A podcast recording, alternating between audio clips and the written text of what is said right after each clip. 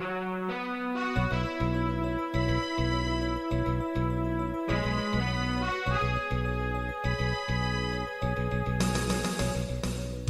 listening to Radio Free Asia. The following program is in Khmer.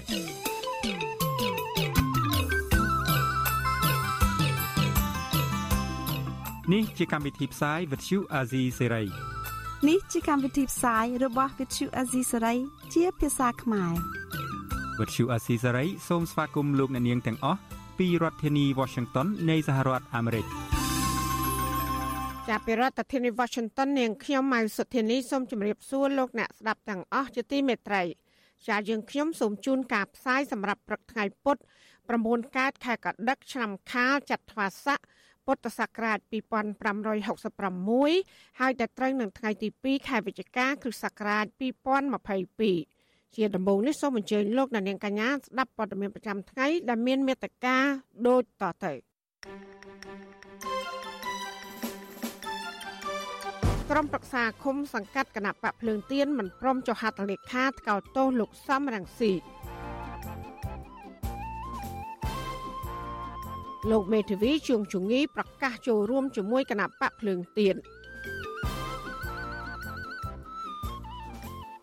ធានអធិបតីអ៊ុយក្រែនសន្យាថាប្រទេសនេះនឹងធានាពីសន្តិសុខស្បៀងនៅតំបន់អាស៊ានសង្គមស៊ីវិលជំរុញឲ្យក្រសួងសាធារណការធ្វើអធិការកិច្ចតាក់ទងនឹងមធ្យោបាយធ្វើដំណើរតាមផ្លូវទឹក រួមនឹងព័ត៌មានសំខាន់សំខាន់មួយចំនួនទៀត។ចាជាបន្តទៅទៀតនេះនាងខ្ញុំម៉ៅសុធានីសូមជូនព័ត៌មានទាំងនោះពឺស្ដាប់ ចាលោកនាងជាទីមេត្រីក្រុមប្រឹក្សាឃុំសង្កាត់ក្នុងក្រុងតាខ្មៅខេត្តកណ្ដាលមកពីគណៈបកភ្លើងទៀនអះអាងថាអាញាធិបកកណ្ដាលអំណាចនៅតែជំរុញអមន្ត្រីគណៈបកភ្លើងទៀនចុះហត្ថលេខាលើញត្តិកោតទោសលោកសំរងស៊ីអ្នកខ្លំមើលយល់ឃើញថាការបង្ខំឲ្យមន្ត្រីគណៈបកភ្លើងទៀនផ្តិតមេដៃថ្កោលទោសលោកសំរងស៊ីនេះគឺជាការរំលោភសិទ្ធិបុគ្គលនិងបៀតបៀននយោបាយខណៈដែលមន្ត្រីគណៈបកកណ្ដាលអំណាចនៅតាមមូលដ្ឋាន តែងតែអនុវត្តលើសពីបញ្ជារបស់ថ្នាក់លើចាសសេចក្តីរាយការណ៍ពីស្ដាមពីរឿងនេះលោកដានៀងនឹងបានស្ដាប់នាពេលបន្តិចទៀតនេះ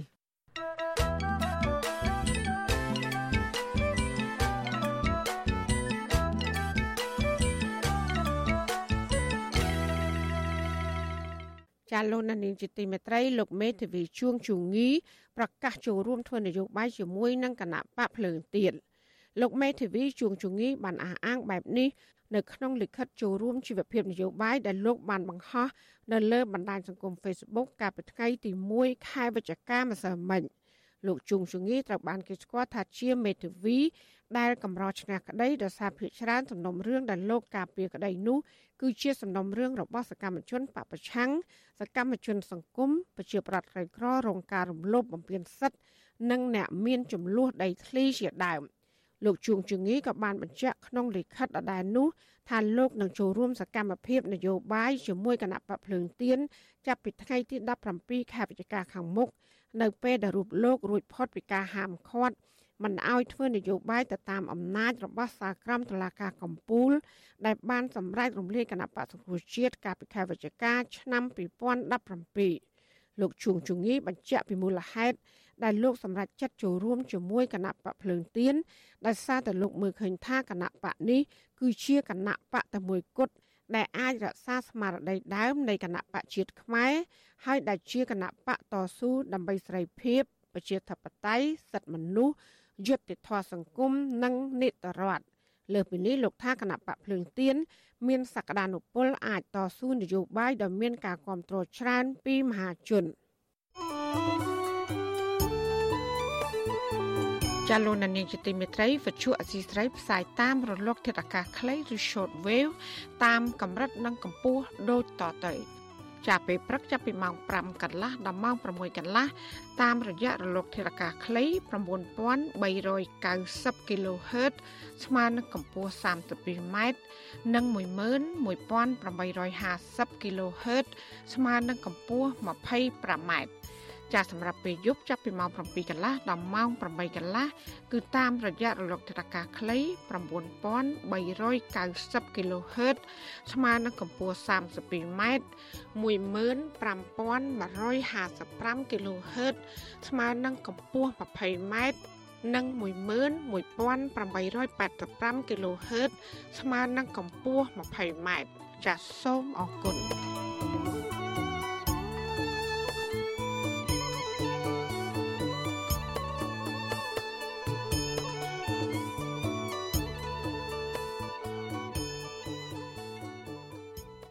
ចាលោកនានីជាទីមេត្រីប្រធានាធិបតីអ៊ុយក្រែនលោក Volodymyr Zelensky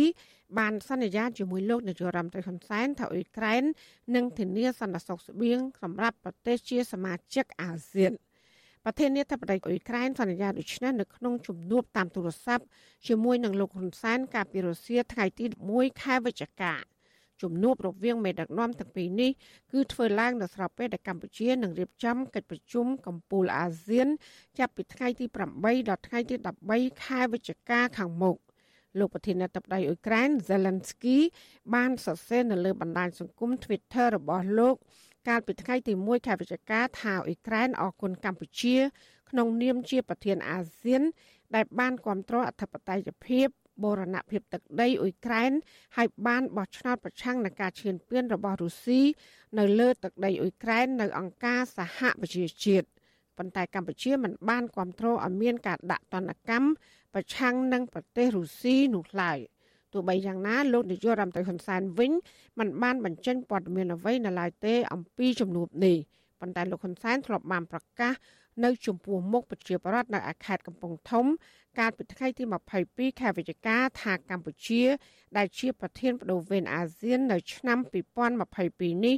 ទៅមេដឹកនាំអ៊ុយក្រែនចង់មានទំនាក់ទំនងនិងកិច្ចសហប្រតិបត្តិការជាមួយអាស៊ានដែលឡែកចំពោះកិច្ចប្រជុំកំពូលអាស៊ានខាងមុខនេះវិញ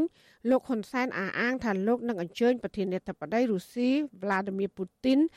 ដែលកំពុងឈានពានអ៊ុយក្រែននោះមកចូលរួមកិច្ចប្រជុំដែរ ក៏ប៉ុន្តែមិនទាន់មានការឆ្លើយតបនៅឡើយ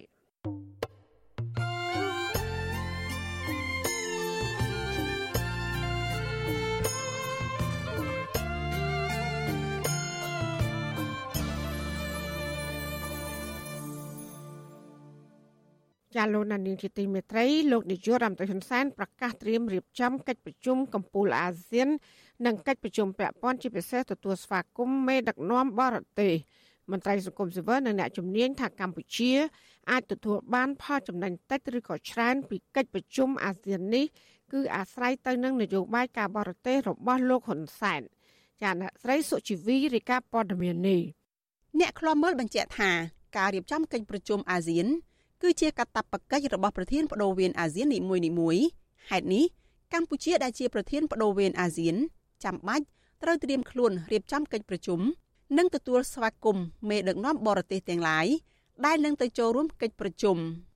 អ្នកនាំពាក្យសមាគមការពារសិទ្ធិមនុស្សអាត6លោកសឹងសែនករណាមានប្រសាសន៍ថាការរៀបចំកិច្ចប្រជុំកំពូលប្រចាំឆ្នាំគឺជាការទទួលខុសត្រូវពីបណ្ដាប្រទេសជាសមាជិក និងជាប្រធានបដូវវេនអាស៊ានហើយលោកមើលឃើញថារដ្ឋាភិបាលកម្ពុជា បានបង្ហាញឆន្ទៈមុតមមក្នុងការត្រៀមខ្លួនរៀបចំកិច្ចប្រជុំឆ្នាំនេះទោះយ៉ាងណាមន្ត្រីសិទ្ធិមនុស្សរូបនេះ ថាសហគមន៍អន្តរជាតិចង់ឃើញរដ្ឋាភិបាលកែលម្អស្ថានភាពប្រជាធិបតេយ្យនិងគោរពសិទ្ធិមនុស្សឲ្យប្រសើរឡើងវិញដើម្បីផលប្រយោជន៍សេដ្ឋកិច្ចនិងការអភិវឌ្ឍសម្រាប់ពលរដ្ឋខ្មែរទៅថ្ងៃអនាគតលោកសឹងសានករណាបញ្ជាក់ថាលក្ខខណ្ឌរបស់ប្រទេសប្រកាន់ប្រជាធិបតេយ្យមិនមែនជ្រៀតជ្រែកកិច្ចការផ្ទៃក្នុងរបស់កម្ពុជានោះទេ ពីព្រោះរឿងនេះគឺជាកាតព្វកិច្ចរបស់ពួកគេ ក្នុងការជួយដល់កម្ពុជា កម្ពុជានឹងគប្បីមានការកែប្រែអេតយាប័តទទួលយកនៃការរិះគន់ពីអ្នកជំនាញជាតិអន្តរជាតិដើម្បីកែលម្អស្ថានភាពនឹងឲ្យមានភាពល្អប្រសើរហើយផលចំណេញនឹងបានមកកម្ពុជាហើយព្រោះបណ្ដាប្រទេសលោកសេរីដែលគេអនុវត្តលើការគោរពសិទ្ធិមនុស្សប្រជាធិបតេយ្យភាពជឿនលឿនរបស់គេគេមានភាពរីកចម្រើនជាប្រទេសអ្នកមានច្រើនហើយបើយើងមានការព្រមព្រៀងទទួលយកនិងកែប្រែឲ្យវាល្អប្រសើរផលប្រយោជន៍នឹងច្បាស់ណាស់នឹងអាចកើតមកដល់កម្ពុជាហើយការអភិវឌ្ឍប្រទេសយើងក៏កាន់តែជឿនលឿនទៅមុខដែរបាទការយល់ឃើញរបស់មន្ត្រីសិទ្ធិមនុស្សរូបនេះធ្វើឡើងបន្ទាប់ពីលោកនាយរដ្ឋមន្ត្រីហ៊ុនសែនហាក់មានមោទកភាពចំពោះរដ្ឋាភិបាលលោកក្នុងការធ្វើជាម្ចាស់ផ្ទះរៀបចំកិច្ចប្រជុំកំពូលអាស៊ានលើកទី40និង41រួមទាំងកិច្ចប្រជុំកំពូលផ្សេងទៀតនៅរាជធានីភ្នំពេញចាប់ពីថ្ងៃទី8ដល់ថ្ងៃទី13ខែវិច្ឆិកាខាងមុខនេះថ្លែងក្នុងពិធីចែកសញ្ញាបត្រឲ្យនិស្សិតសាកលវិទ្យាល័យភូមិន្ទនីតិសាស្ត្រនិងវិទ្យាសាស្ត្រសេដ្ឋកិច្ចជាង6000នាក់ កាលពីថ្ងៃទី1ខែវិច្ឆិកាលោកហ៊ុនសែនបញ្ជាក់ថាកិច្ចប្រជុំនោះមិនមែនជារឿងតូចតាចនោះទេដូច្នេះរដ្ឋាភិបាលរបស់លោកត្រូវត្រៀមរៀបចំឲ្យបានល្អលោកហ៊ុនសែនអះអាងថាវត្តមាននៃប្រទេសជាមិត្តជាពិសេសមេដឹកនាំប្រទេសមហាអំណាចធំធំមកកម្ពុជាដោយសារក្រោមការដឹកនាំរបស់លោកគឺប្រទេសមានសន្តិភាព និងគ្មានសង្គ្រាមកើតឡើង ការគូជុំនេះមិនមែនជាបញ្ហាតូចតាចទេសម្រាប់ប្រទេសយើងក្រីក្រមួយក៏ប៉ុន្តែយើងក៏ត្រូវតែដឹងច្បាស់ខ្លួនឯងថាបើដោយសារតែប្រទេសយើងមានសន្តិភាពទៅមិត្តភ័ក្តិហ៊ានមកដោយសារតែប្រទេសយើងពុំមានសកម្មភាពវាយប្រហារភេរវកម្មដែលយើងការពារបានសន្តិសុខទៅដល់គ្រប់សង្គមទៅមិត្តភ័ក្តិរបស់យើងមកប្រជុំសុទ្ធតែជាមហាអំណាច បើទោះជាយ៉ាងណាសាស្ត្រាចារ្យផ្នែកវិទ្យាសាស្ត្រនយោបាយនិងកិច្ចការអន្តរជាតិលោកអែមសវណ្ណារាលើកឡើងថាប្រសិនបើកិច្ចប្រជុំកម្ពុជាអាស៊ាននិងកិច្ចប្រជុំកម្ពុជាដៃគូរបស់អាស៊ាននៅកម្ពុជានៅពេលខាងមុខនេះដំណើរការបានល្អនឹងជួយលើកមុខមាត់រដ្ឋាភិបាលលើឆាកអន្តរជាតិជួយតេទៀងភ្ញៀវទេសចរនិងពង្រីកទំហំពាណិជ្ជកម្មជាដើមប៉ុន្តែអ្នកជំនាញរូបនេះយល់ឃើញថាផលចំណេញដែលកម្ពុជាទទួលបានច្រើនឬតិចនោះគឺអាស្រ័យទៅលើបន្ទាត់នយោបាយការបរទេស ជំវិញជំហរអភិជាក្រិតរបស់រដ្ឋាភិបាលក្នុងការបដិញ្ញាចិត្តពិតប្រាកដកសាងជំនឿចិត្តទៅលើភាគីអន្តរជាតិដែលពួកគេព្រួយបារម្ភពីវត្តមានយោធាចិននៅរៀមការធ្លាក់ចុះនៃប្រព័ន្ធយុតិធធម៌ការជួញដូរមនុស្សព្រមទាំងបញ្ហាចាក់ស្រេះផ្សេងទៀតអ្វីដែលជាការសង្ឃឹម ការរំពឹងទុកនេះវាជាចំណុចល្អហើយសម្រាប់ថ្នាក់ដឹកនាំសម្រាប់នយោបាយកម្ពុជាក៏ប៉ុន្តែវាទាមទារនៅការបញ្ញាចិត្តនិងការអនុវត្តឲ្យបានពិតប្រាកដកុំឲ្យតែមានការសង្ឃឹមឬក៏មានតែនៅក្នុងទ្រឹស្ដីគោលនយោបាយវាអត់មានការមុនជាក់ស្ដែងឧទាហរណ៍ជាក្រិតភាពរបស់កម្ពុជានឹងតើវាកសាងជំនឿទុកចិត្តដល់មហាជនឬក៏ដល់មតិលោកខាងលិចគ្រប់គ្រាន់ទេ កិច្ចប្រជុំកំពូលអាស៊ាននៅពេលខាងមុខនេះនឹងមានមេដឹកនាំនៃប្រទេសមហាអំណាចមួយចំនួនចូលរួមដូចជាប្រធានាធិបតីអាមេរិកលោកโจ Biden និងនាយករដ្ឋមន្ត្រីចិនលោកលីខឺឈៀងព្រមទាំងមេដឹកនាំនៃប្រទេសឥណ្ឌាជប៉ុនអូស្ត្រាលី និងប្រទេសកូរ៉េខាងត្បូងជាដើមពាក់ព័ន្ធនឹងកិច្ចប្រជុំកំពូលអាស៊ាននេះដែរក្រុមអង្គការសង្គមស៊ីវិលនៅប្រទេសមីយ៉ាន់ម៉ាឬភូមាអង្គការក្នុងតំបន់និងអន្តរជាតិចំនួន505ស្ថាប័នចេញលិខិតចំហទៅប្រធានអាស៊ាន អំពាវនាវឲ្យបញ្ឈប់អញ្ជើញតំណាងរបស់ភូមាទោះបីជាពួកគេមិនមែនជាអ្នកនយោបាយនៃរបបសឹកឲ្យចូលរួមកិច្ចប្រជុំកំពូលអាស៊ាននិងកិច្ចប្រជុំពាក់ព័ន្ធផ្សេងទៀតដែលរៀបចំឡើងនៅកម្ពុជាកិច្ចប្រជុំនេះអាស៊ានមិនបានអញ្ជើញក្រុមមេដឹកនាំរបបសឹកឲ្យចូលរួមកិច្ចប្រជុំនេះឡើយប៉ុន្តែអញ្ជើញត្រឹមតែតំណាងមិនមែនជាអ្នកនយោបាយក្រុមអង្គការសង្គមស៊ីវិលដដែលអំពាវនាវឲ្យអាស៊ានទទួលស្គាល់រដ្ឋាភិបាលរួបរวมជាតិ NUG ជាសាធារណៈដែលជាតំណាងឲ្យប្រជាពលរដ្ឋភូមិពិតប្រាកដក្រុមអង្គការសង្គមស៊ីវិលទាំងនេះបានអះអាងនៅក្នុងលិខិតចំហដដែលថា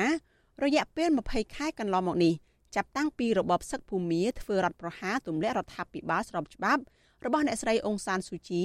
អាស៊ាន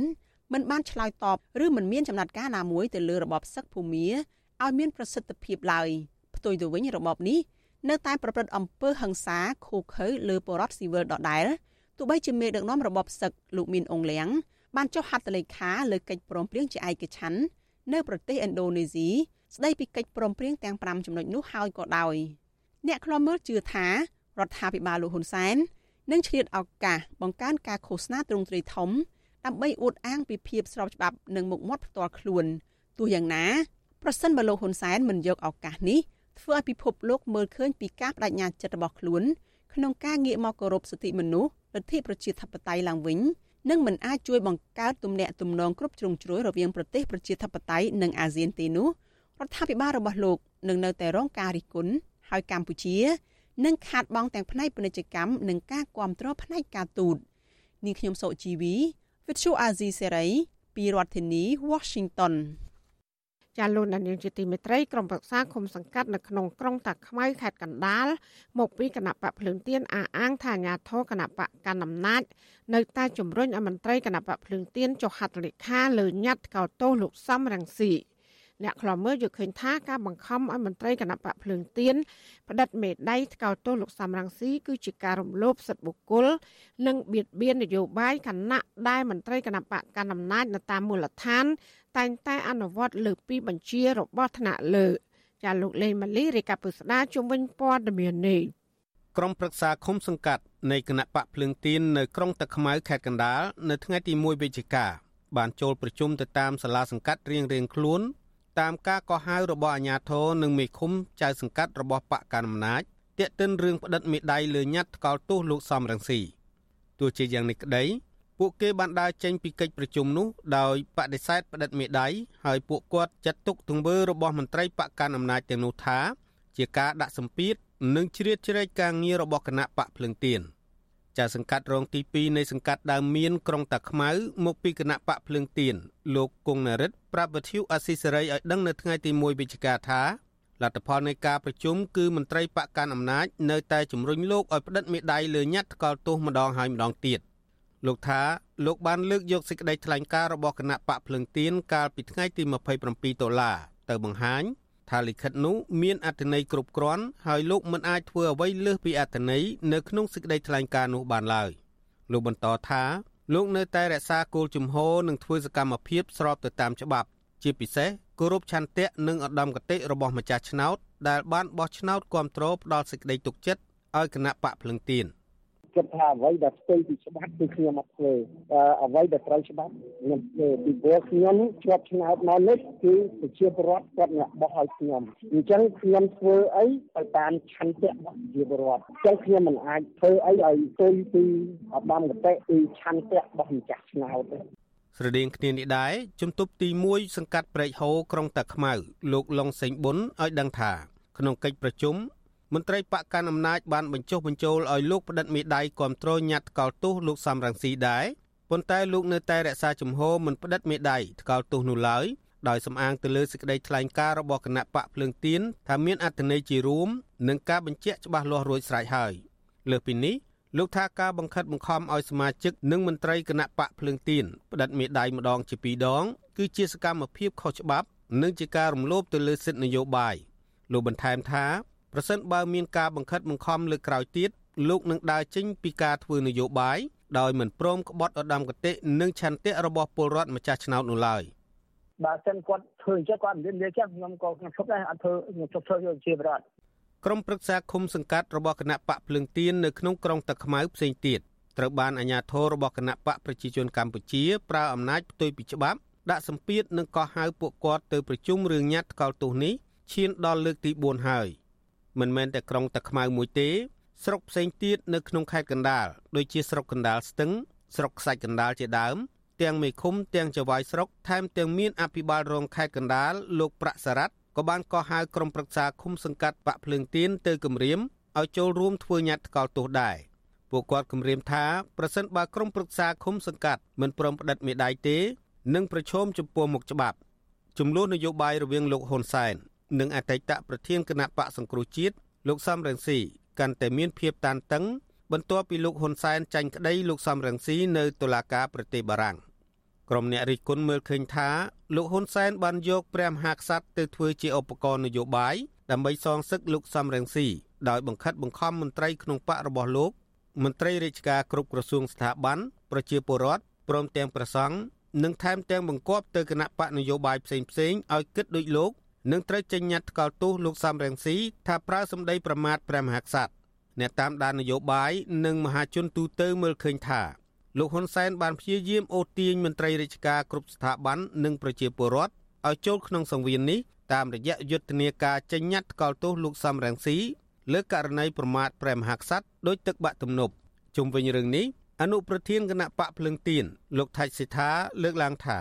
រាល់សកម្មភាពបង្ខិតបង្ខំ គម្រាមកំហែងឬបញ្ចុះបញ្ចូលឲ្យផ្តិតមេដាយលើញត្តិថ្កោលទោសដែលធ្វើឡើងដោយមន្ត្រីបកកាន់អំណាចគឺជាទង្វើខុសច្បាប់ធ្ងន់ធ្ងរ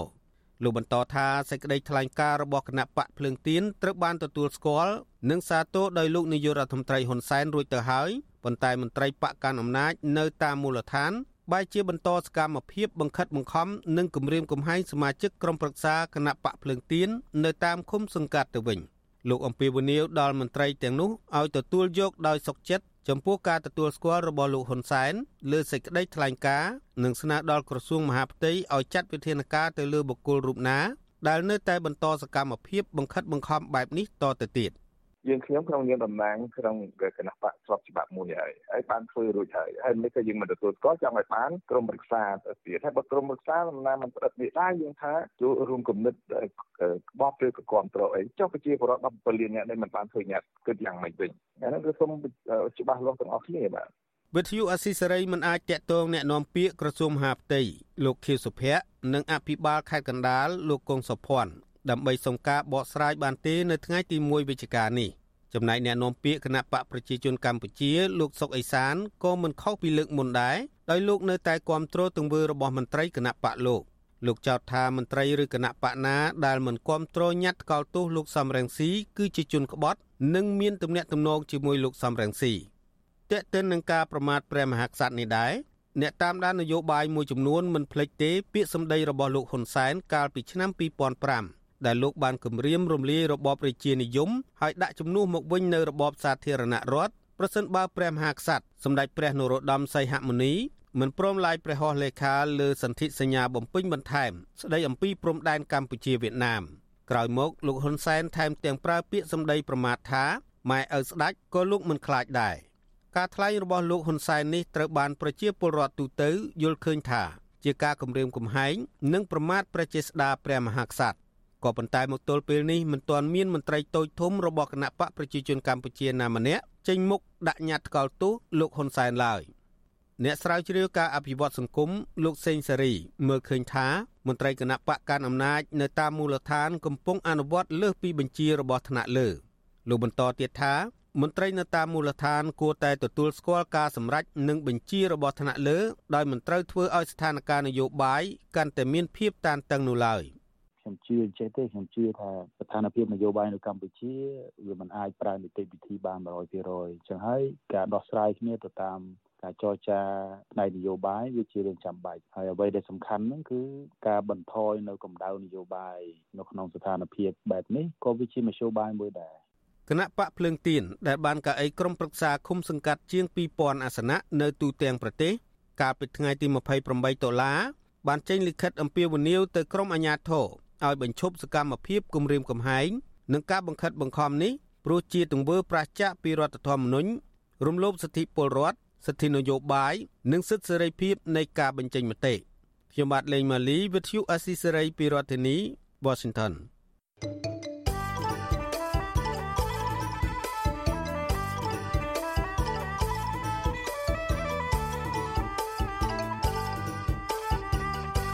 ចាលោកនានីជាទីមេត្រីពាក់ព័ន្ធនឹងស្ថាបនិកគណៈបកបេដងជាតិដែលកំពុងជាប់ឃុំមន្ត្រីសង្គមស៊ីវិលលើកឡើងថាលោកសៀមភ្លុកគ្មានចេតនាប្រព្រឹត្តបទល្មើសដោយជាការចាប់ប្រកាន់របស់ក្រសួងមហាផ្ទៃនោះឡើយហើយចង់ឃើញភាគីក្រសួងមហាផ្ទៃសម្រាប់សម្រួលដើម្បីបញ្ចប់រឿងនេះការស្នើនេះធ្វើឡើងខណៈដែលសាលាដំបងរាជធានីភ្នំពេញសម្រាប់បញ្ជូនសំណុំរឿងខ្លែងបន្លំនិងប្រើប្រាស់លិខិតខ្លែង នៃស្ថាបនិកគណៈបកបេះដូងជាតិលោកសៀមភ្លុកទៅជំនុំជម្រះនៅថ្ងៃទី22ខែវិច្ឆិកាខាងមុខចានេះគឺជាសកម្មភាពរបស់លោកទីនសាការីយ៉ាជំវិញព័ត៌មាននេះមន្ត្រីអង្គការសង្គមស៊ីវិលនិងមេធាវីការពារក្តីឲ្យស្ថាបនិកគណៈបកបេះដូងជាតិលោកសៀមភ្លុករំពឹងថាតុលាការនឹងផ្ដល់យុត្តិធម៌ជូនលោកសៀមភ្លុកពីព្រោះស្ថាបនិកគណៈបកបេះដូងជាតិរូបនេះគ្មានចេតនាទុច្ចរិតក្នុងការបង្កើតគណៈបកនេះឡើយ។ទោះ ជាយ៉ាងណាមន្ត្រីបកកណ្ដាលអំណាចចាប់ប្រកាន់ថាសំណុំរឿងលោកសៀមភ្លុកតឡាការមានភ័ស្តុតាងរឹងមាំក្នុងការចោទប្រកាន់ទៅវិញមេធាវីការពារក្តីឲ្យលោកសៀមភ្លុកគឺលោកមេធាវីជួងជងីឲ្យដឹងនៅថ្ងៃទី1វិច្ឆិកាថាសាលាដំបងរាជធានីភ្នំពេញសម្រាប់ដាក់កម្មវិធីជំនុំជម្រះសំណុំរឿងលោកសៀមភ្លុកនៅព្រឹកថ្ងៃទី22វិច្ឆិកាខាងមុខលោកមេធាវីលើកឡើងទៀតថាក្នុងដំណើរការនៃការរៀបចំឯកសារបង្កើតគណៈបកបដងជាតិ កូនក្តីរបស់លោកគ្រាន់តែជាអ្នកបញ្ជូនស្នាមមេដាយបន្តទៅក្រសួងមហាផ្ទៃហើយលោកសៀមភ្លុកក៏គ្មានលទ្ធភាពឬបច្ចេកទេសដើម្បីអាចពិនិត្យដឹងថាស្នាមមេដាយណាមានបញ្ហា លោកមេធាវីរំពឹងថាតឡាកានឹងផ្ដល់យុត្តិធម៌ជូនដល់កូនក្តីរបស់លោកឲ្យមានសេរីភាពឡើងវិញ គឺខ្ញុំសិក្សាទៅថាគាត់អត់មានបំណងហើយក៏គ្មានចេតនាខ្លែងឯកសារតទៅត្រង់ទៅស្រស់តែម្ដងគាត់ចង់ឲ្យតែឯកសារដែលរៀបចំទៅល្អត្រឹមត្រូវហើយអាចដំណើរការគណៈបកដូចជាបានទេប៉ុន្តែបែរជា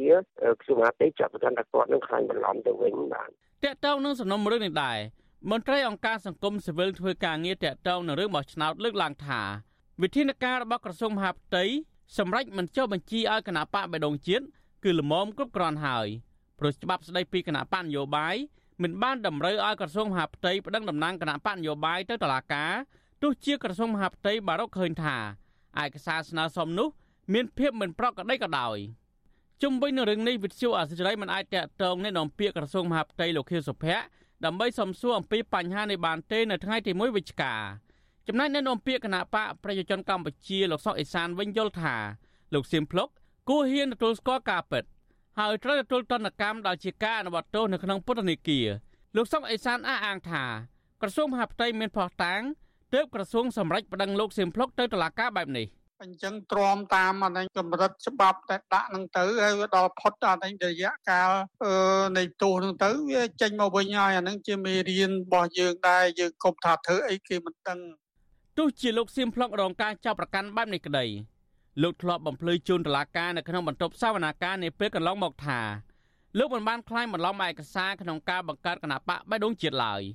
លោកអះអាងទៀតថាលោកមិនមែនជាអ្នកចោះផ្ទាល់ទៅប្រមូលស្នាមមេដៃរបស់អ្នកគាំទ្រនោះដែរគឺតំណាងគណៈបកនៅតាមមូលដ្ឋានជាអ្នករៀបចំតកតងនឹងសំណុំរឿងនេះនាយកទទួលបន្ទុកកិច្ចការទូតនៃអង្គការលីកាដូលអំសំអាតសង្កេតឃើញថាករណីនេះពាក់ព័ន្ធនឹងស្ថានភាពនយោបាយច្រើនជាងការអនុវត្តច្បាប់ លោកបន្តថាបញ្ហាស្នាមមេដៃនេះអាចកើតឡើងដោយអចេតនាហើយបញ្ហានេះក៏មិនបានធ្វើឲ្យប៉ះពាល់ដល់សន្តិសុខសង្គមនោះដែរលោកអំសំអាតយល់ថាភាគីដើមមិនដឹង គឺក្រសួងមហាផ្ទៃគួរតែយោគយល់និងមិនគួរចាប់ទោសអស់ដំណើរលោកសៀមភ្លុកពេកនោះទេវា ស៊ីសងនឹងការជជែកគ្នាដើម្បីស្វែងរកចំណុចដែលអាចដោះស្រាយគ្នាបានដើម្បីបន្ធូរបន្ថយស្ថានភាពតានតឹងនៃ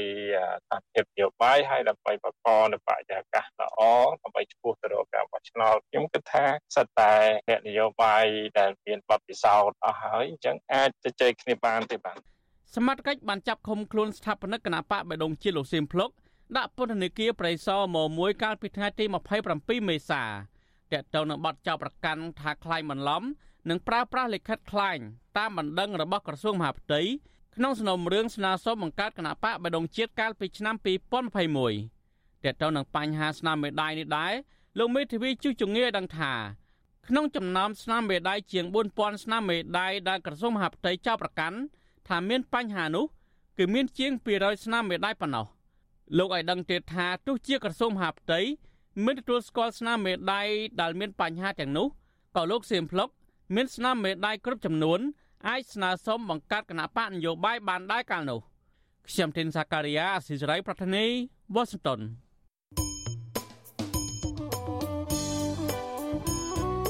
ចាលោកនាងជាទីមេត្រីវិទ្យុអសីស្រីផ្សាយតាមរលកធាតុអាកាសខ្លីឬ short wave តាមកម្រិតនិងកម្ពស់ដូចតទៅ ចាប់ពេលព្រឹកចាប់ពីម៉ោង5កន្លះដល់ម៉ោង6កន្លះតាមរយៈរលកធាតុអាកាសខ្លី9390 kHz ស្មើនឹងកម្ពស់ 32m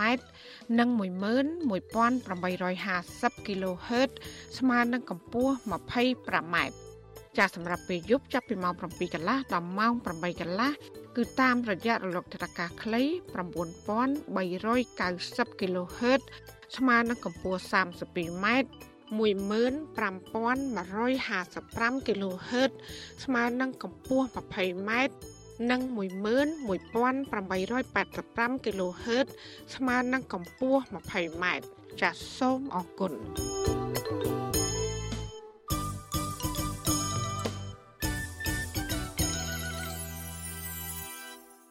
ចាលោកណានីជាទីមេត្រីសង្គមស៊ីវិលស្នើដល់ក្រសួងសាធារណការនិងដឹកជញ្ជូនឲ្យត្រួតពិនិត្យមធ្យោបាយធ្វើដំណើរតាមផ្លូវទឹកឲ្យបានត្រឹមត្រូវដើម្បីបង្ការគ្រោះថ្នាក់ផ្សេងផ្សេងការអំពាវនាវនេះធ្វើឡើងក្រោយដែលរដ្ឋមន្ត្រីក្រសួងសាធារណការបានទទួលស្គាល់ពីភាពខ្វះចន្លោះនៃការគ្រប់គ្រងមធ្យោបាយធ្វើដំណើរតាមផ្លូវទឹក ដែលបណ្ដាលឲ្យមានហេតុការណ៍លេខទូកស្លាប់មនុស្សចាប់ពីរដ្ឋធានី Washington លោកយ៉ងច័ន្ទដារារាយការណ៍ព័ត៌មាននេះ មន្ត្រីអង្គការសង្គមស៊ីវិលស្វាគមន៍ដែលរដ្ឋមន្ត្រីក្រសួងសាធារណការនិងដឹកជញ្ជូនបញ្ជាឲ្យមន្ត្រីជំនាញត្រួតពិនិត្យមធ្យោបាយដឹកជញ្ជូនតាមផ្លូវទឹកឲ្យបានត្រឹមត្រូវក៏ប៉ុន្តែពួកគេស្នើដល់ក្រសួងមួយនេះធ្វើកិច្ចការងារនេះប្រកបដោយប្រសិទ្ធភាពអ្នកនាំពាក្យសមាគមការពារសិទ្ធិមនុស្សអាត6លោកសឹងសែនករណាក៏សម្គាល់ថាប្រជាពលរដ្ឋខ្មែរជាច្រើន នៅតែបន្តពឹងផ្អែកទៅលើមធ្យោបាយដឹកជញ្ជូនតាមផ្លូវទឹក ក៏ប៉ុន្តែលោកសង្កេតឃើញថាអាញាធរហាក់មិនបានគិតគូររឿងនេះឲ្យម៉ត់ចត់នោះទេលោកបន្តថាភាពឆក់ល្វែងនៃការគ្រប់គ្រងមធ្យោបាយដឹកជញ្ជូនតាមផ្លូវទឹកនេះបានបណ្ដាលឲ្យប្រជាពលរដ្ឋមួយចំនួនបាត់បង់ជីវិត ជាឧទាហរណ៍ករណីលិចទូកដងនៅខេត្តកណ្ដាលដែលសម្លាប់ជីវិតកុមារចំនួន11នាក់ជាដើមតើតែមានហេតុការណ៍កើតឡើងទើបយើងឃើញថា រដ្ឋហាក់ដូចជាចាប់ដើមគិតគូរអំពីបញ្ហានេះទៅវិញប៉ុន្តែយ៉ាងណាយើងសង្ឃឹមថាការលើកឡើងរបស់រដ្ឋមន្ត្រីលោកនឹងពិនិត្យមើលលទ្ធភាពនៃការដោះស្រាយបញ្ហានឹងឲ្យអស់លទ្ធភាពជាមួយនឹងអាជ្ញាធរពាក់ព័ន្ធទាំងអស់នៅរួមទាំងសេចក្តីព្រៀងច្បាប់មួយដើម្បីធ្វើយ៉ាងណាការពារនៅអាយុជីវិតប្រជាពលរដ្ឋដែលធ្វើដំណើរតាមមធ្យោបាយផ្លូវទឹកនឹងបាទ ការលើកឡើងរបស់មន្ត្រីអង្គការសង្គមស៊ីវិលនេះគឺក្រោយពេលរដ្ឋមន្ត្រីក្រសួងសាធារណការនិងដឹកជញ្ជូនលោកសុនច័ន្ទថុលបានទទួលស្គាល់ថាការគ្រប់គ្រងមធ្យោបាយដឹកជញ្ជូនផ្លូវទឹកមានដូចជាទូកនិងទូកចម្លងជាដើមមិនទាន់បានគ្រប់ជ្រុងជ្រោយនៅឡើយទេលោកសុនច័ន្ទថុលបានថ្លែងនៅក្នុងសន្និសីទសារព័ត៌មានកាលពីថ្ងៃទី26តុលាថាក្រសួងមិនដែលបានចុះត្រួតពិនិត្យស្តង់ដារសុវត្ថិភាពទូកចម្លងតាមដងទន្លេនោះឡើយហើយការគ្រប់គ្រងទូកទូទៅ ក៏មិនទាន់បានត្រឹមត្រូវនោះដែរលោកបញ្ជាក់ថាក្រសួងនឹងពន្យាការធ្វើសេចក្តីព្រាងច្បាប់ស្តីពីការដឹកជញ្ជូនតាមផ្លូវទឹកដើម្បីឲ្យការគ្រប់គ្រងមធ្យោបាយដឹកជញ្ជូនតាមផ្លូវទឹកមានប្រសិទ្ធភាពជាងមុនជាកំហុសរបស់យើងដែរយើងមិនបានទៅត្រួតពិនិត្យទេតែរាប់មើលថានៅទូកដជីបានប្រមាណអ្នកថាបាន50នាក់50នាក់ត្រូវមានអាវពោង50បើយើងអត់បានធ្វើច្បាប់អត់ទាន់មានប៉ុន្តែក៏យើងក៏ប្រហែសដែរបើយើងមិនទាន់ច្បាប់ក៏យើងអាចទៅជួយណែនាំដែរអញ្ចឹងយកឱកាសនេះឱកាសដែលអកុសលនេះយកទៅជំរុញធ្វើច្បាប់ឲ្យបានលឿនចុះទៅត្រួតពិនិត្យឲ្យបានដិតដល់អំពីឲ្យពងសវត្ថភាពនៅតាមទូកនីមួយៗជុំវិញរឿងនេះប្រធានសមាគមគ្រូបង្រៀនកម្ពុជាឯករាជ្យអ្នកស្រីអុកឆាយាវីថ្លែងថាប្រសិនបើក្រសួងពិតជាអាចធ្វើបានដូចការលើកឡើងនេះមែននោះគឺជារឿងល្អដើម្បីសវត្ថភាពប្រជាពលរដ្ឋជាពិសេសសម្រាប់សិស្សានុសិស្ស ក៏ប៉ុន្តែអ្នកស្រីហាក់មិនទាន់មានជំនឿទៅលើការលើកឡើងរបស់ក្រសួងនៅឡើយទេ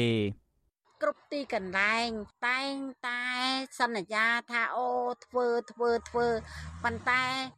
វាអត់មានឃើញពន្លឺនៃការធ្វើហ្នឹងណាកន្លងមកហើយបើសិនជាបានធ្វើឆាប់គឺខ្ញុំ ចូលរួមអបអរសាទរជាមួយប្រជាពលរដ្ឋជាពិសេសសិស្សានុសិស្សនៅទីតាំងដែលក្រសួងសាធារណការគម្រោងនេះចា៎កាលពីថ្ងៃទី13ខែតុលាកន្លងទៅ មានករណីលិចទូកដរមួយកន្លែង នៅស្រុកលើកដៃខេត្តកណ្ដាលដែលបណ្ដាលឲ្យកុមារជាសិស្សចំនួន11នាក់បានស្លាប់ទូកចម្លងដែលលិចនោះគឺជាទូកចាស់ហើយគ្មានពងឬអាវសុវត្ថិភាពអ្វីឡើយប្រជាពលរដ្ឋឲ្យដឹងថាទូកចម្លងប្រភេទនេះ នៅមានប្រើប្រាស់ជាច្រើនកន្លែងទៀតនៅតាមដងទន្លេ ស្ទឹង និងព្រែកនៅក្នុងប្រទេសកម្ពុជាមន្ត្រីអង្គការសង្គមស៊ីវិលគូបញ្ជាក់ថាអាញាធមមានកាតព្វកិច្ចនៅក្នុងការធានានូវសុវត្ថិភាពសម្រាប់ប្រជាពលរដ្ឋដែលប្រើប្រាស់មធ្យោបាយដឹកជញ្ជូនតាមផ្លូវទឹកពីព្រោះនេះប្រៀបបានទៅនឹងការធានានៅសិទ្ធិរស់រានមានជីវិតមួយផ្នែករបស់ប្រជាពលរដ្ឋផងដែរខ្ញុំយ៉ងច័ន្ទដារាវិទ្យុអាស៊ីសេរីរាយការណ៍ពីរដ្ឋធានី Washington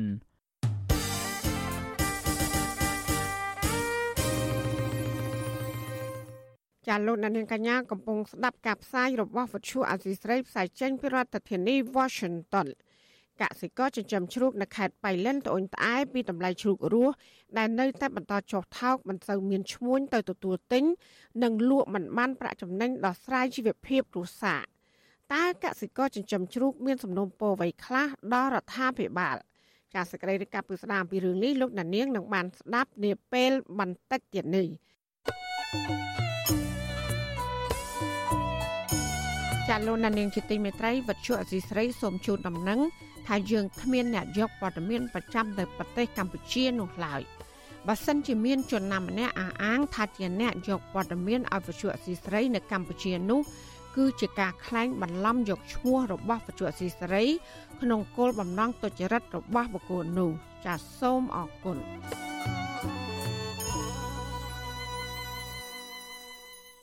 ចាលោកនានីជាទីមេត្រីនៅឯខេត្តសៀមរាបអនុវិញភ្ញៀវទេសចរទៅទស្សនាតំបន់រមណីយដ្ឋានអង្គរ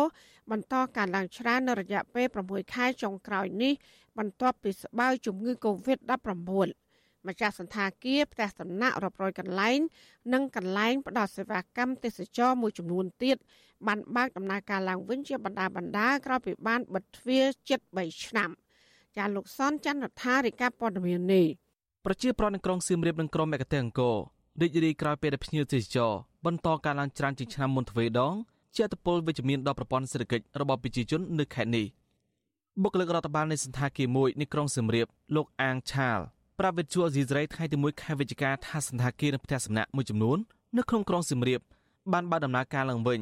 ប៉ុន្តែនៅមានសន្តាគារតិចតួចប៉ុណ្ណោះនៅឆ្ងាយពីក្រុងបន្តបិទទ្វារលោកបញ្ជាក់ថាភ្ញៀវទេសចរបន្តកើនឡើង កាលពីអំឡុងខែកញ្ញានិងខែតុលាហើយភ្ញៀវភេជ្ជច្រើនមកពីប្រទេសលោកខាងលិចនិងប្រទេសឥណ្ឌាលោកបញ្ជាក់ថាក្រុមហ៊ុនប្រតិបត្តិការទេសចរសន្តាគារកន្លែងលក់វត្ថុអនុស្សាវរីយ៍ភោជនីយដ្ឋាននិងកន្លែងផ្ដល់សេវាកម្មទេសចរច្រើនទៀតបានបើកដំណើរការស្ទើរទាំងស្រុងហើយដែរខ្ញុំសង្កេតឃើញគឺភ្ញៀវអឺរ៉ុបក៏អត់ទៅវត្តវិទ្យាទេក៏ប៉ុន្តែបើភ្ញៀវឥណ្ឌាហើយនិងអាស៊ីគឺគាត់ដឹកត្រៀម ហើយការដើរលេងទេសចរទៅទៅអង្គរភ្ញៀវភាគច្រើនគឺគាត់បដូរចិត្តអត់ទៅច្រើនដងអញ្ចឹងណាគាត់ទៅតែម្ដងអញ្ចឹងណាទៅតែម្ដងទេហើយគាត់ចាំបាច់មិនទៅពីរដងបើធ្វើភ្ញៀវឥណ្ឌាគឺភាគច្រើនគឺគាត់អត់ចំណាយរបាយការណ៍គ្រឹះស្ថានអង្គរបង្ហាញថារយៈពេល9ខែដើមឆ្នាំ2022មានភ្ញៀវទេសចរអន្តរជាតិប្រមាណ130,000នាក់បានទិញសម្បត្តិចូលរួមទស្សនារមណីយដ្ឋានអង្គររកប្រាក់ចំណូលបានជាង5លានដុល្លារគឺការឡើងរហូតដល់ជាង2000% បើប្រៀបធៀបរយៈពេលដូចគ្នាកាលពីឆ្នាំ2021អ្នករដ្ឋមកកង់3ក្នុងក្រុងសៀមរាបលោកច័ន្ទគុន្ធាថ្លែងថាអ្វីត្បិតតែភ្ញៀវទេសចរការឡើងក៏ពិតមែនប៉ុន្តែពួកគាត់ភ័យច្រើនចាយលុយទៅបិទបៀតដោយរកជួលតែបន្ទប់ផ្ទះសំណាក់ធូរថ្លៃលោកបន្តថាបច្ចុប្បន្នក្រុងសៀមរាបសម្បូរកន្លែងជួលម៉ូតូឲ្យភ្ញៀវទេសចរជាកំសាន្តដែលធ្វើនៅរថមកកង់3ខ្សប់ភ្ញៀវដឹកលោកបញ្ជាក់ថារយៈពេល6ខែចុងក្រោយនេះលោកអាចរកប្រាក់ចំណូលបានគិតជាមធ្យម60000រៀលក្នុងមួយថ្ងៃ គេអត់ទាន់ជួលម៉ូតូទលំទលាយដូចឡើយនឹងគេបញ្ចប់គូវិតទៅឥឡូវជួលម៉ូតូសឹងគោកន្លែងអញ្ចឹងទៅវាពិបាកយើងប្រចាំថ្ងៃវារឿងពិបាកហើយឥឡូវវិទ្យុអេស៊ីសរ៉ៃមិនតន់អាចតតងសុំការបំភ្លឺរឿងនេះពីអ្នកនាំពាក្យក្រសួងទេសចរលោកតបសុភ័ក្របានឡើយទេ នៅថ្ងៃទី1ខែវិច្ឆិកាជុំវិញរឿងនេះប្រធានសមាគមមគ្គទេសអង្គរលោក QT ក៏សម្គាល់ថាម៉ូតូពេលនេះក្រុមមគ្គទេសអង្គរប្រមាណ20%ក្នុងចំណោម5000នាក់ ទទួលបានការងារធ្វើឡើងវិញជាបណ្ដាបណ្ដារីឯពលានយន្តហោះខេត្តសំរៀបនិងកន្លែងផ្ដល់សេវាកម្មរាប់រយកន្លែងផ្សេងទៀតបន្តបើដំណើរការឡើងវិញដោយត្រូវការបុគ្គលិករាប់ពាន់នាក់ឥឡូវនេះវាមិនសូវច្រើនជាមុនគូវិតទេប៉ុន្តែវាកើនអូហាងលក់ដូរដំណើរការឡើងវិញបងផ្សារលើផ្សារចាស់បើពេញហើយហាងណាហើយហើយស៊ូវនីតាមមុខអង្គរមកអីលក់ហើយប៉ុន្តែស៊ូវនីធំធំមួយចំនួនទៀតមិនទាន់បើកមិនឡើយទេ ប្រធានសមាគមវិជាធិបតេយ្យឯករាជ្យនៃសេដ្ឋកិច្ចក្រៅប្រព័ន្ធអវុនពៅផ្ដល់ទស្សនៈថាអាញាធរខ្មែរគួរតែត្រួតពិនិត្យនិងកាត់បន្ថយភាពរញ៉េរញ៉ៃនៃការបំពេញឯកសារចូលប្រទេសកម្ពុជារបស់ភ្ញៀវទេសចរលោកបញ្ជាក់ថាអាញាធរគួរបង្កើនការរៀបចំសណ្ដាប់ធ្នាប់សេវាកម្មល្អសន្តិសុខហេដ្ឋារចនាសម្ព័ន្ធនិងអភិបាលកិច្ចល្អជូនដល់ភ្ញៀវទេសចរប្រកបដោយប្រសិទ្ធភាពខ្ញុំសូមឲ្យអាជ្ញាធររដ្ឋបង្កលក្ខណៈងាយស្រួលឲ្យប្រជាពលរដ្ឋម្ចាស់ស្រុកអាចប្រកបមុខរបរបានដោយអ្នកមានដើមធំធំផងដែរពិសេស អាចកបមុខរបរបានដោយជនជាតិចិនជនជាតិកូរ៉េជាពិសេសជនជាតិចិនដែលតែងតែដណ្ដើមមុខរបរប្រជាពលរដ្ឋខ្មែរទៅតាមតំបន់ទេសចររដ្ឋទៅពិនិត្យមើលឡើងវិញនៅចំណុចអស់ទាំងហ្នឹងខេត្តសំរៀបមានសន្តាគារឬក៏កន្លែងផ្ដល់សេវាកម្មស្នាក់នៅ ជាង500កន្លែងហើយមានបន្ទប់គេងចំនួន20000បន្ទប់ក្រុមមគ្គទេសឲ្យដឹងថាប្រភពការងារនិងប្រាក់ចំណូលចម្បងរបស់ប្រជាជនខេត្តនេះភាគច្រើនពឹងផ្អែកទាំងស្រុងលើវិស័យទេសចរដែលក្នុងនេះក្រុមមគ្គទេសអង្គរឈរជួមុខក្នុងវិស័យនេះ ខ្ញុំសនចាររថាវិទ្យុអេស៊ីសេរីរាយការណ៍ពីរដ្ឋធានីវ៉ាស៊ីនតោនចាលោកណានីជាទីមេត្រីក្រសួងមហាផ្ទៃឲ្យដឹងថារយៈពេល9ខែឆ្នាំ2022សមត្ថកិច្ចបង្ក្រាបអំពើជួញដូរមនុស្សនិងអាជីវកម្មផ្លូវភេទបានចំនួន122ករណីគឺថយចុះជាង50%បើធៀបរយៈពេលដូចគ្នា កាលពីឆ្នាំ2021ដែលមានចំនួន269ករណី គេហទំព័រក្រសួងមហាផ្ទៃកាលពីថ្ងៃទី1ខែវិច្ឆិកាឲ្យដឹងថាសមត្ថកិច្ចបានជួយសង្គ្រោះជនរងគ្រោះចំនួន254នាក់ក្នុងនោះគឺមានស្ត្រី190នាក់ក្នុងចំណោមជនរងគ្រោះទាំងនោះមានក្មេងអាយុក្រោម15ឆ្នាំចំនួន100នាក់និងក្មេងអាយុចន្លោះពី15ឆ្នាំទៅ17ឆ្នាំ មានចំនួន29នាក់ ថ្លែងក្នុងកិច្ចប្រជុំបូកសរុបរបាយការណ៍ឆ្នាំ2022និងលើកទិសដៅការងារឆ្នាំ2023រដ្ឋលេខាធិការក្រសួងមហាផ្ទៃនិងជាអនុប្រធានអចិន្ត្រៃយ៍របស់គណៈកម្មាធិការជាតិប្រយុទ្ធប្រឆាំងអំពើជួញដូរមនុស្សអ្នកស្រីជូបណ្អេងថាសមត្ថកិច្ចក៏បានចាប់ខ្លួនជនសង្ស័យបញ្ជូនទៅតុលាការចំនួន147ករណីក្នុងនោះជនសង្ស័យជាជនបរទេសគឺមានចំនួន22នាក់ដែលមាន4សញ្ជាតិ រួមមានចិនថៃវៀតណាមនិងបង់ក្លាដេសចាតកតងនឹងការចាប់បង្ខាំងមនុស្សខុសច្បាប់នេះដែរសមត្ថកិច្ចក៏បានជួយសង្គ្រោះជនបរទេសចំនួន21នាក់កាលពីថ្ងៃទី30ខែតុលាក្នុងនោះរួមមានជនជាតិវៀតណាមចិននិងបង់ក្លាដេស ក្រសួងមហាផ្ទៃឲ្យដឹងដែរថារហូតមកដល់ថ្ងៃ30ខែតុលានេះការស្នើសុំជួយសង្គ្រោះតាមរយៈ Facebook របស់លោកសខេងរដ្ឋមន្ត្រីក្រសួងមហាផ្ទៃដែលមានចំនួនសរុប536ករណីដែលជាប់ពាក់ព័ន្ធមនុស្សជិត1400នាក់សមត្ថកិច្ចក៏បានចុះស្រាវជ្រាវនិងជួយសង្គ្រោះជនរងគ្រោះចំនួន661នាក់ឃាត់ខ្លួនជនសង្ស័យ82នាក់ បិទក្រុមហ៊ុន5ទីតាំងនិងកំពុងស្រាវជ្រាវក្រុមហ៊ុនជាច្រើនទៀតក្រោយពីបានទទួលពាក្យបណ្ដឹងលោកសកខេងរដ្ឋមន្ត្រីក្រសួងមហាផ្ទៃថ្មីថ្មីនេះបានចេញលិខិតអំពាវនាវដល់សាធារណជនជាតិនិងអន្តរជាតិស្ថានទូតបរទេសប្រចាំកម្ពុជានិងអាជ្ញាធរនៃបណ្ដាប្រទេសពាក់ព័ន្ធបន្តសហការផ្តល់ព័ត៌មានជំវិញសកម្មភាពជួញដូរមនុស្សនិងអក្រិតកម្មឆ្លងដែនផ្សេងៗទៀតដើម្បីបង្ការទប់ស្កាត់ព្រមទាំងបង្ក្រាបឲ្យទាន់ពេលវេលា។ បទល្មើសទាំងនោះរួមមានអំពើឆោបបោកជំរិតទាបប្រាក់តាមប្រព័ន្ធបច្ចេកវិទ្យា ការបង្ខាំងមនុស្សបទល្មើសគ្រឿងញៀនបទល្មើសសម្អាតប្រាក់ និងលបែងស៊ីសងអនឡាញខុសច្បាប់ជាដើម។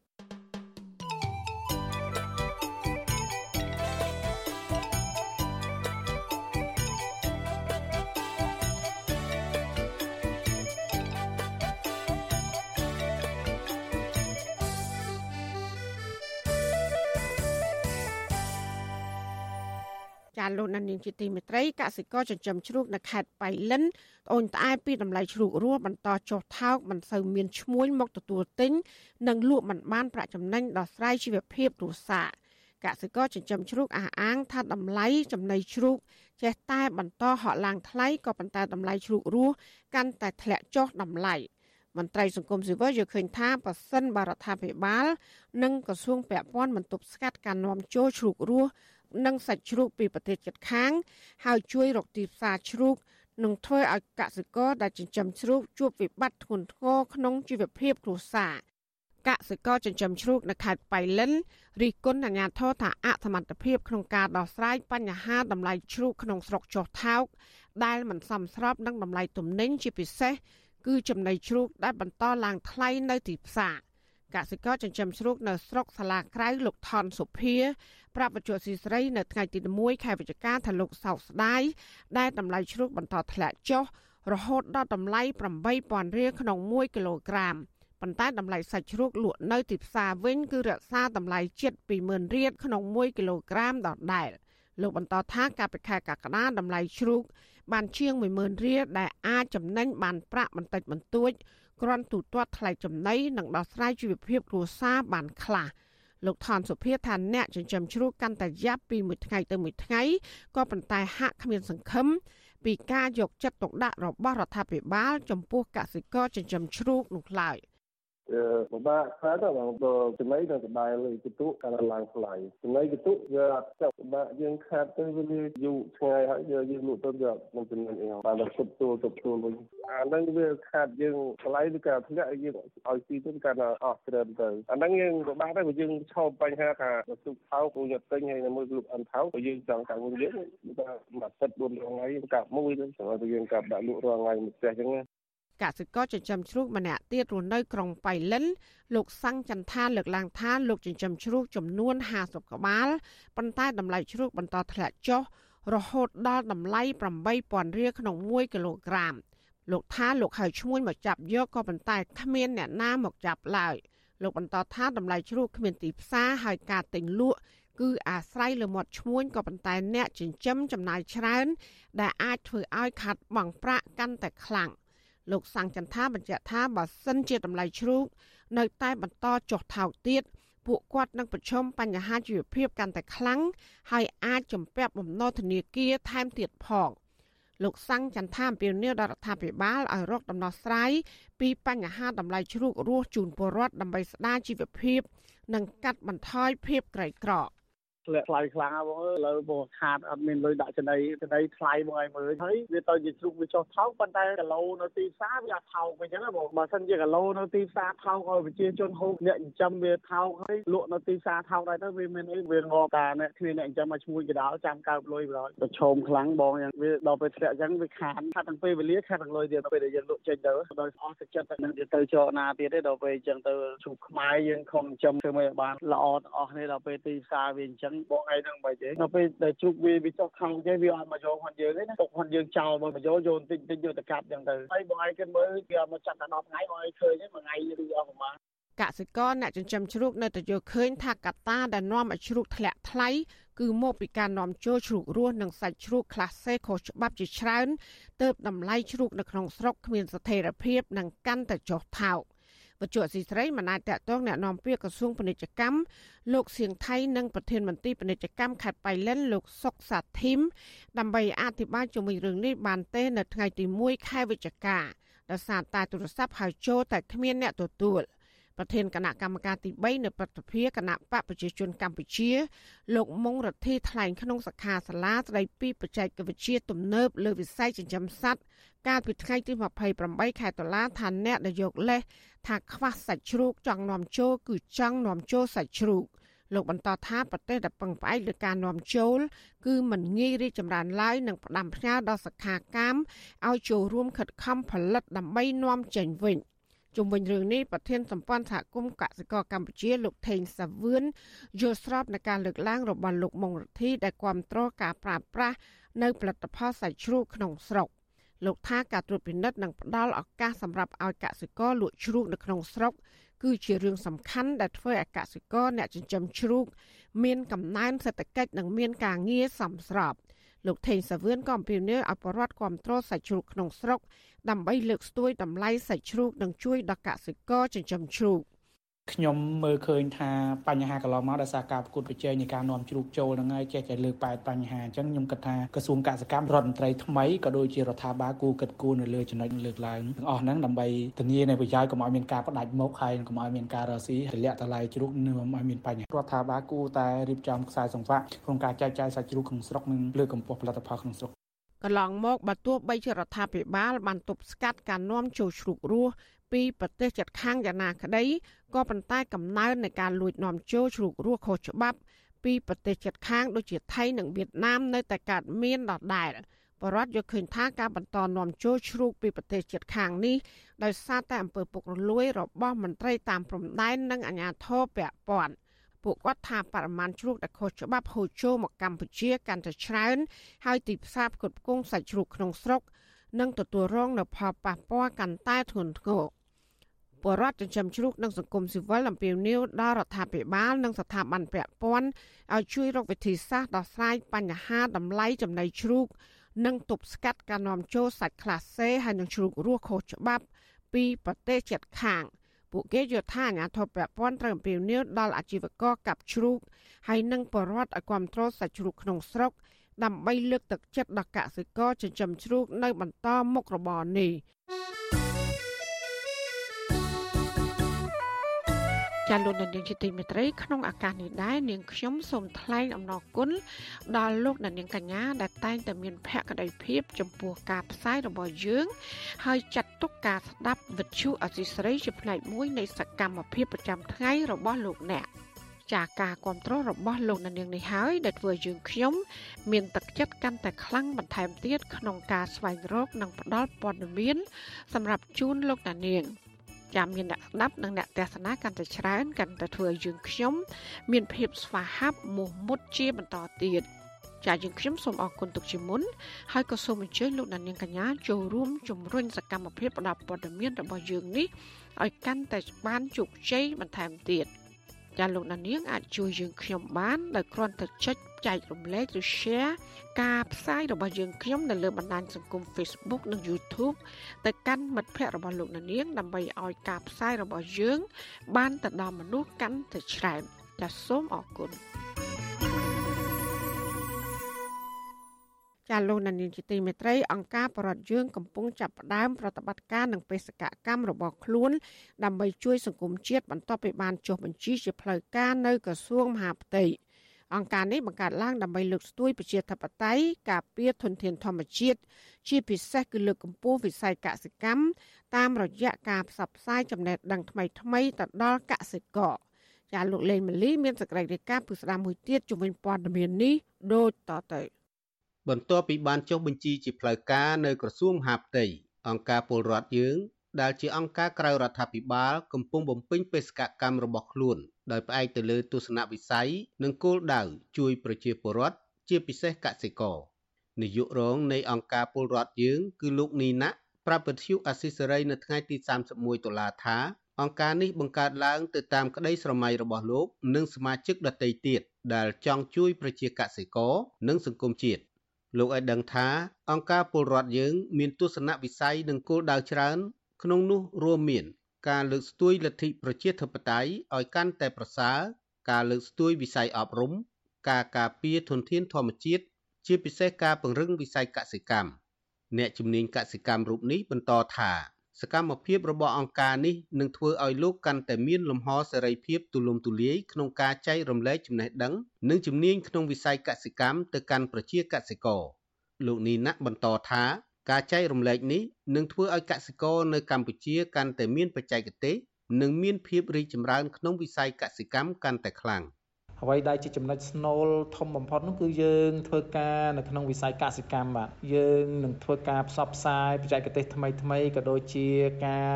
សម្របសម្រួលជាមួយនឹងដៃគូអភិវឌ្ឍនានាធ្វើម៉េចឲ្យកសិករមានឱកាសលក់ផលិតផលក៏ដូចជាការមានទីផ្សារក្នុងការលក់ផលិតផលឲ្យបានទូលំទូលាយបាទ លោកនីណាជាអ្នកជំនាញកសិកម្មមួយរូបធ្លាប់ត្រូវបានអាជ្ញាធរចាប់ខ្លួននិងដាក់ពន្ធនាគារអស់រយៈពេល18ខែ កាលពីថ្ងៃទី12ខែធ្នូឆ្នាំ2020ក្រោមការចោទប្រកាន់ពីបទជេរប្រមាថជាសាធារណៈនិងញុះញង់ឲ្យមានការរើសអើងបន្ទាប់ពីលោកបានបង្ហោះសារផ្សព្វផ្សាយពីការទិញម៉ាស់ពាក់ឲ្យកូនមន់និងត្រៀមដាក់ទ្រង់មន់ក្នុងគ្រាមានអាសន្ន គណៈកម្ពុជានិងពិភពលោកកំពុងផ្ទុះជំងឺ Covid-19 កាលពីចុងឆ្នាំ2019អង្គការពលរដ្ឋយើងត្រូវបានចុះក្នុងបញ្ជីអង្គការមិនមែនរដ្ឋាភិបាលនៅក្រសួងមហាផ្ទៃកាលពីថ្ងៃទី9ខែកញ្ញាឆ្នាំ2022បច្ចុប្បន្នអង្គការនេះមានសមាជិកចំនួន10រូបនិងកំពុងស្វែងរកកិច្ចសហប្រតិបត្តិការជាមួយដៃគូពាក់ព័ន្ធដទៃទៀតសម្រាប់គ្រប់គ្រងនិងចូលរួមបេសកកម្ម វិទ្យុអស៊ីសេរីមិនអាចតាក់ទងแนะនាំពាក្យក្រសួងមហាផ្ទៃគឺលោកខៀវសុភ័ក្រនិងប្រធានแนะនាំពាក្យរដ្ឋាភិបាលលោកផៃស៊ីផានដើម្បីសុំសេចក្តីអធិប្បាយអំពីការយល់ឃើញជុំវិញការទើបបង្កើតថ្មីនៃអង្គការមួយនេះបានទេ នៅថ្ងៃទី31តុលាជុំវិញរឿងនេះប្រធានប្រតិបត្តិនៃអង្គការពលរដ្ឋយើង លោកសុកថារីឲ្យដឹងថាត្បិតនីតិវិធីនៃការបង្កើតអង្គការនេះមានភាពលំបាកក៏ពិតមែន តែសមាជិកគ្រប់រូបនៅតែជំនះបានដោយសារឆន្ទៈបម្រើជាតិរបស់សមាជិកគ្រប់គ្រប់គ្នាលោកបន្តថាក្រៅពីវិស័យកសិកម្មគោលដៅបេសកកម្មបន្ទាប់របស់អង្គការគឺការលើកស្ទួយលទ្ធិប្រជាធិបតេយ្យសិទ្ធិមនុស្សនីតិរដ្ឋនិងការអភិវឌ្ឍប្រទេសជាតិជាពិសេសគឺដើម្បីជួយបំពេញចន្លោះខ្វះខាតក្នុងការអនុវត្តគោលនយោបាយរបស់រដ្ឋាភិបាលទោះយ៉ាងណាក្តីលោកថាមកទល់ពេលនេះ អង្គការពលរដ្ឋយើងនៅពុំទាន់ទទួលបានជំនួយហិរញ្ញវត្ថុពីស្ថាប័នណាមួយនៅឡើយទេគណៈការចូលបំពេញការងារត្រូវធ្វើឡើងដោយការស្ម័គ្រចិត្តលោករំពឹងថាផ្អែកទៅលើទស្សនវិស័យនិងបេសកកម្មអង្គការមួយនេះមានការរីកចម្រើន ដើម្បីជួយដល់ប្រជាពលរដ្ឋនិងប្រទេសជាតិប៉ុន្តែកន្លងមកខ្ញុំមិនមានឱកាសដើម្បីចូលរួមនៅក្នុងកិច្ចការងារសង្គមជាតិនេះទេប៉ុន្តែទើប នឹងពេលថ្មីថ្មីនេះមានក្រុមការងារយើងគាត់មានកំណត់ដូចផ្ដើមក្នុងការបង្កើតអង្គការពលរដ្ឋយើងនេះឡើងអង្គការពលរដ្ឋយើងដែលមានរូបមនុស្សឈរព័ទ្ធជុំវិញរង្វង់អក្សរជា logo សម្គាល់បង្កើតឡើងដោយឈរនៅលើទស្សនវិស័យលើកស្ទួយ ពង្រឹងគោរពអនុវត្តនិងការពារលទ្ធិប្រជាធិបតេយ្យសិទ្ធិមនុស្សនីតិរដ្ឋនិងការអភិវឌ្ឍសង្គមប្រកបដោយចីរភាពបេសកកម្មរបស់អង្គការ គឺអប់រំបណ្ដុំបណ្ដាលនិងផ្សព្វផ្សាយអំពីគោលការណ៍លទ្ធិប្រជាធិបតេយ្យសិទ្ធិមនុស្សច្បាប់ជាតិច្បាប់អន្តរជាតិនិងការគោរពច្បាប់នានាជាធរមានជាមួយគ្នានេះក៏មានការចូលរួមលើកកម្ពស់ការថែរក្សាបរិស្ថាន និងការពារធនធានធម្មជាតិព្រមទាំងការបង្រៀនពីបច្ចេកទេសកសិកម្មនិងបង្កើតទីផ្សារសហគមន៍កសិផលលើសពីនេះនៅមានការលើកស្ទួយនិងពង្រឹងវិស័យអប់រំ ពង្រឹងអំណាចនៅទូទាំងប្រទេសផងដែរអង្គការមួយនេះកើតចេញពីឆន្ទៈរបស់អ្នកទោសមនសិការអតីតមន្ត្រីអង្គការសង្គមស៊ីវិលនិងអតីតស្ថាបនិកប៉ុស្តិ៍វិទ្យុពួកគាត់ប្រមូលផ្ដុំចងក្រង និងបំពេញបេសកកម្មទៅតាមជំនាញរៀងៗខ្លួនក្នុងគោលដៅតែមួយគឺជួយប្រជាពលរដ្ឋនិងប្រទេសជាតិអង្គការមិនមែនរដ្ឋាភិបាលទាំងក្នុងស្រុកនិងអន្តរជាតិ បានដើរតួយ៉ាងសំខាន់នៅក្នុងការរៀបចំនិងការអភិវឌ្ឍឡើងវិញនៅក្នុងប្រទេសកម្ពុជា ដោយផ្អែកទៅលើកិច្ចព្រមព្រៀងសន្តិភាពទីក្រុងប៉ារីឆ្នាំ1991និងរដ្ឋធម្មនុញ្ញរដ្ឋធម្មនុញ្ញនៃព្រះរាជាណាចក្រកម្ពុជាទទួលស្គាល់សិទ្ធិពលរដ្ឋនិងសិទ្ធិសង្គមស៊ីវិលតាមរយៈមាត្រា35ចែងថាផ្ដល់សិទ្ធិដល់ប្រជាពលរដ្ឋដើម្បីចូលរួមយ៉ាងសកម្មនៅក្នុងជីវភាពនយោបាយសេដ្ឋកិច្ចសង្គមនិងវប្បធម៌របស់ប្រទេសជាតិ មាត្រា41និយាយអំពីសេរីភាពក្នុងការបញ្ចេញមតិសេរីភាពខាងសារព័ត៌មានសេរីភាពខាងការបោះពុម្ពផ្សាយសេរីភាពក្នុងការជួបប្រជុំគ្នា និងមាត្រា42ផ្ដល់សិទ្ធិដល់ប្រជាពលរដ្ឋក្នុងការបង្កើតសមាគមនិងគណៈបកនយោបាយប្រជាពលរដ្ឋខ្មែរទាំងឡាយអាចចូលរួមក្នុងអង្គការមហាជន ជួយគ្នាទៅវិញទៅមកការពារសមិទ្ធផលជាតិនិងសន្តិភាពសង្គមក្រោយការរំលាយគណៈបកសង្គ្រោះជាតិកាលពីចុងឆ្នាំ2017 រដ្ឋាភិបាលលោកនាយករដ្ឋមន្ត្រីហ៊ុនសែនបានបើកយុទ្ធនាការជាប្រព័ន្ធធ្វើទុកបុកម្នេញទៅលើក្រុមអង្គការសង្គមស៊ីវិលដែលធ្វើការពាក់ព័ន្ធនឹងវិស័យសិទ្ធិមនុស្សប្រជាធិបតេយ្យនិងប្រព័ន្ធផ្សព្វផ្សាយនៅកម្ពុជា អង្គការសង្គមស៊ីវិលជាតិនិងអន្តរជាតិបន្តអំពាវនាវដល់រដ្ឋាភិបាលលោកហ៊ុនសែនឲ្យបើកលំហសិទ្ធិពលរដ្ឋនិងសិទ្ធិនយោបាយនៅមុនការបោះឆ្នោតជាតិខាងមុខនេះខ្ញុំបាទលេងម៉ាលីវិទ្យុអស៊ីសេរីពីរដ្ឋធានី Washington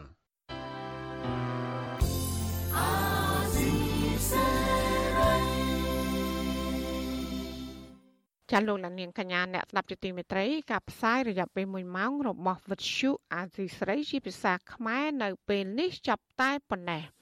ចាយើងខ្ញុំទាំងអស់គ្នាសូមជូនពរលោកលាននិងក្រុមគ្រួសារទាំងអស់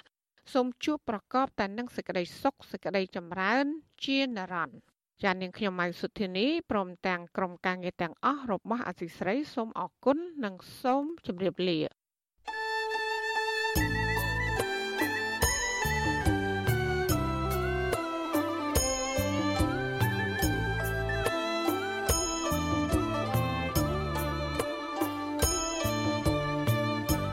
វិទ្យុអាស៊ីសេរីផ្សាយតាមរលក ធារកាសខ្លីឬ shortwave តាមកម្រិតនិងកម្ពស់ដូចតទៅនេះ